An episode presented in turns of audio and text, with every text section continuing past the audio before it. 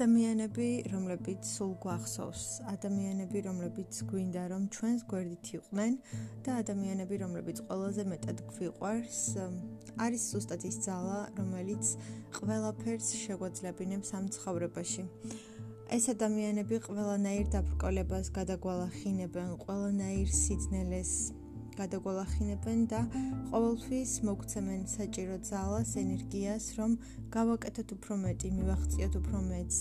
მოგცემენ ყოველთვის საჭირო мотиваციას, მოგცემენ ძალას და ენერგიას, რაც დაგვჭირდება, რომ მივახციოთ ძალიან ბევრ რამეს. ეს ადამიანები გვარწმუნებენ იმაში, რომ ძალიან კარგები ვართ, გამორჩეულები ვართ. რაღაცა შეგვიძლია, რაღაც ნიჭი გვაქვს, რომ ყოველფერი გამოგვივა, რომ ყოველფერი კარგად იქნება. ეს ადამიანები ყოველთვის გვავსებენ უკეთესი სიმედით და უკეთესის მოლოდინით. ეს ადამიანები ყოველთვის დგანენ ჩვენ გვერდით და ხშირად გრძნობთ, რომ სათანადოდ ვერ ვაფასებთ და სათანადოდ არ არის მათი სიყვარული დაფასებული. ან ყოველდღიურობაში სადღაც იკარგება და იმდენად ვერ ვხედავთ. ვერ ვაფასებთ ან ვერ ვხედავთ მხოლოდ იმიტომ რომ ძალიან მიჩვეულები ვართ ამ ყველაფერს და რაღაც ეტაპზე ეს ხდება ძალიან ბუნებრივი, მაგრამ ნებისმიერი სიტყვის გამოხატულება, ნებისმიერი ზრუნვა, არავინ არ არის ასე ვთქვათ ვალდებული, რომ ეს ყველაფერი მოგვცეს ან გასცეს ჩვენი მისამართით. და თუ ჩვენ რაღაცნაირად ამას ვიმსახურებთ, ან შეიძლება ბოლომდე არც ვიმსახურებთ, ამას ვიღებთ, უბრალოდ უნდა ვიყოთ ძალიან ძალიან ბედნიერები და კმოყოფილები ბედის ან არ ვიცი რაღაცის ამ რაღაც ძალის ამ ცხოვრებაში, რომელს ყველაფერი ჩვენ მოგვეცა და გვაქვს, იმიტომ რომ რეალურად თუ დავფიქრდებით ამ ადამიანებზე, ამ ძალაზე, ამ თანადგომაზე და ამ ხარდაჭერაზე მეტი ძლიერი და განსაკუთრებული, ამაზე მეტად გასაოცარი და ამაზე კარგი ცხოვრებაში რეალურად არაფერი არ შეიძლება გქონდეს. და საბოლოოდ რომ დავფიქრდეთ რა გრჩება ცხოვრებაში და რა არის ცხოვრებაში, არაფერია იმაზე მეტი ვიდრე ჩვენი კავშირები, ვიდრე ჩვენი კავშირები სხვა ადამიანებთან და ჩვენი კონტაქტები, არ ვიცი, ჩვენი ურთიერთობები. ამაზე მეც ვერც ვერაფერს ვერ ვქმნით და ვერც ვერაფერს ვერ ვტოვებთ.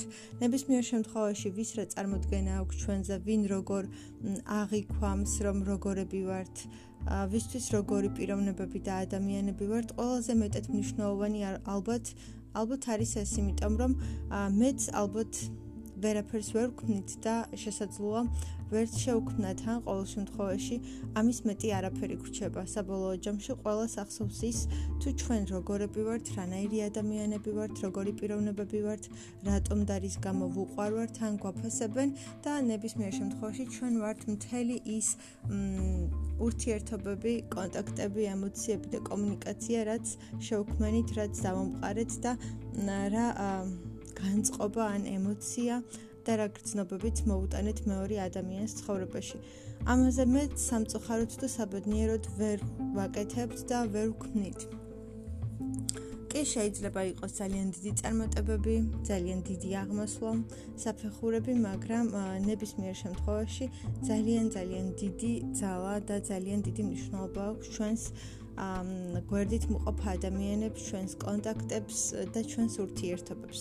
ერთადერთი რასაც ვქმნით, მე ყოველ შემთხვევაში ასე მგონია და მჯერა, რომ ყველაზე დიდი და ყველაზე მეტი საბოლოო ჯამში არის ეს. შეიძლება იყოს ოჯახი, შეიძლება იყოს მეგობრები, შეიძლება იყოს სხვადასხვა წრე, მაგრამ ნებისმიერი შემთხვევა არის ის, რომ ეს არის ყველაზე ძვირფასი, ეს არის ყველაზე მნიშვნელოვანი, რამდენ ადამიანს უყარხარ, რამდენი ადამიანი გაფასებს, ვისთვის ხარ ძვირფასი, ვისთვის ხარ მნიშვნელოვანი, ვისთვის რას წარმოადგენ. არიან თუ არა ისეთი ადამიანები შენ გვერდით, ვისაც მართლა და გულწრფელად უყარხარ, ვინ შენ გარეშე ვერძლებს, ვისაც ვერ წარმოუდგენია ბევრი მომენტი თავისი ცხოვრების შენ გარეშე და იმისთვის ძალიან ძალიან მნიშვნელოვანი ხარ და ხშირად გადამწყვეტად მნიშვნელოვანიც კი. თუ ასეთი ადამიანები თქვენს გარშემო ბევრი არიან, მაშინ ძალიან ძალიან ბედნიერი ადამიანი ხართ, იმიტომ რომ ყველაზე დიდი სიძულფასე, ყველაზე დიდი საგანძური და ყველაზე დიდი რამ გაქვს ცხოვრებაში, რასაც ქვია ურთიერთობები, მოსიყვარული ადამიანები, მხარდამჭერი ადამიანები და ადამიანები, რომლებსაც ყველაზე მეტი მოაქვს თქვენ ცხოვრებაში.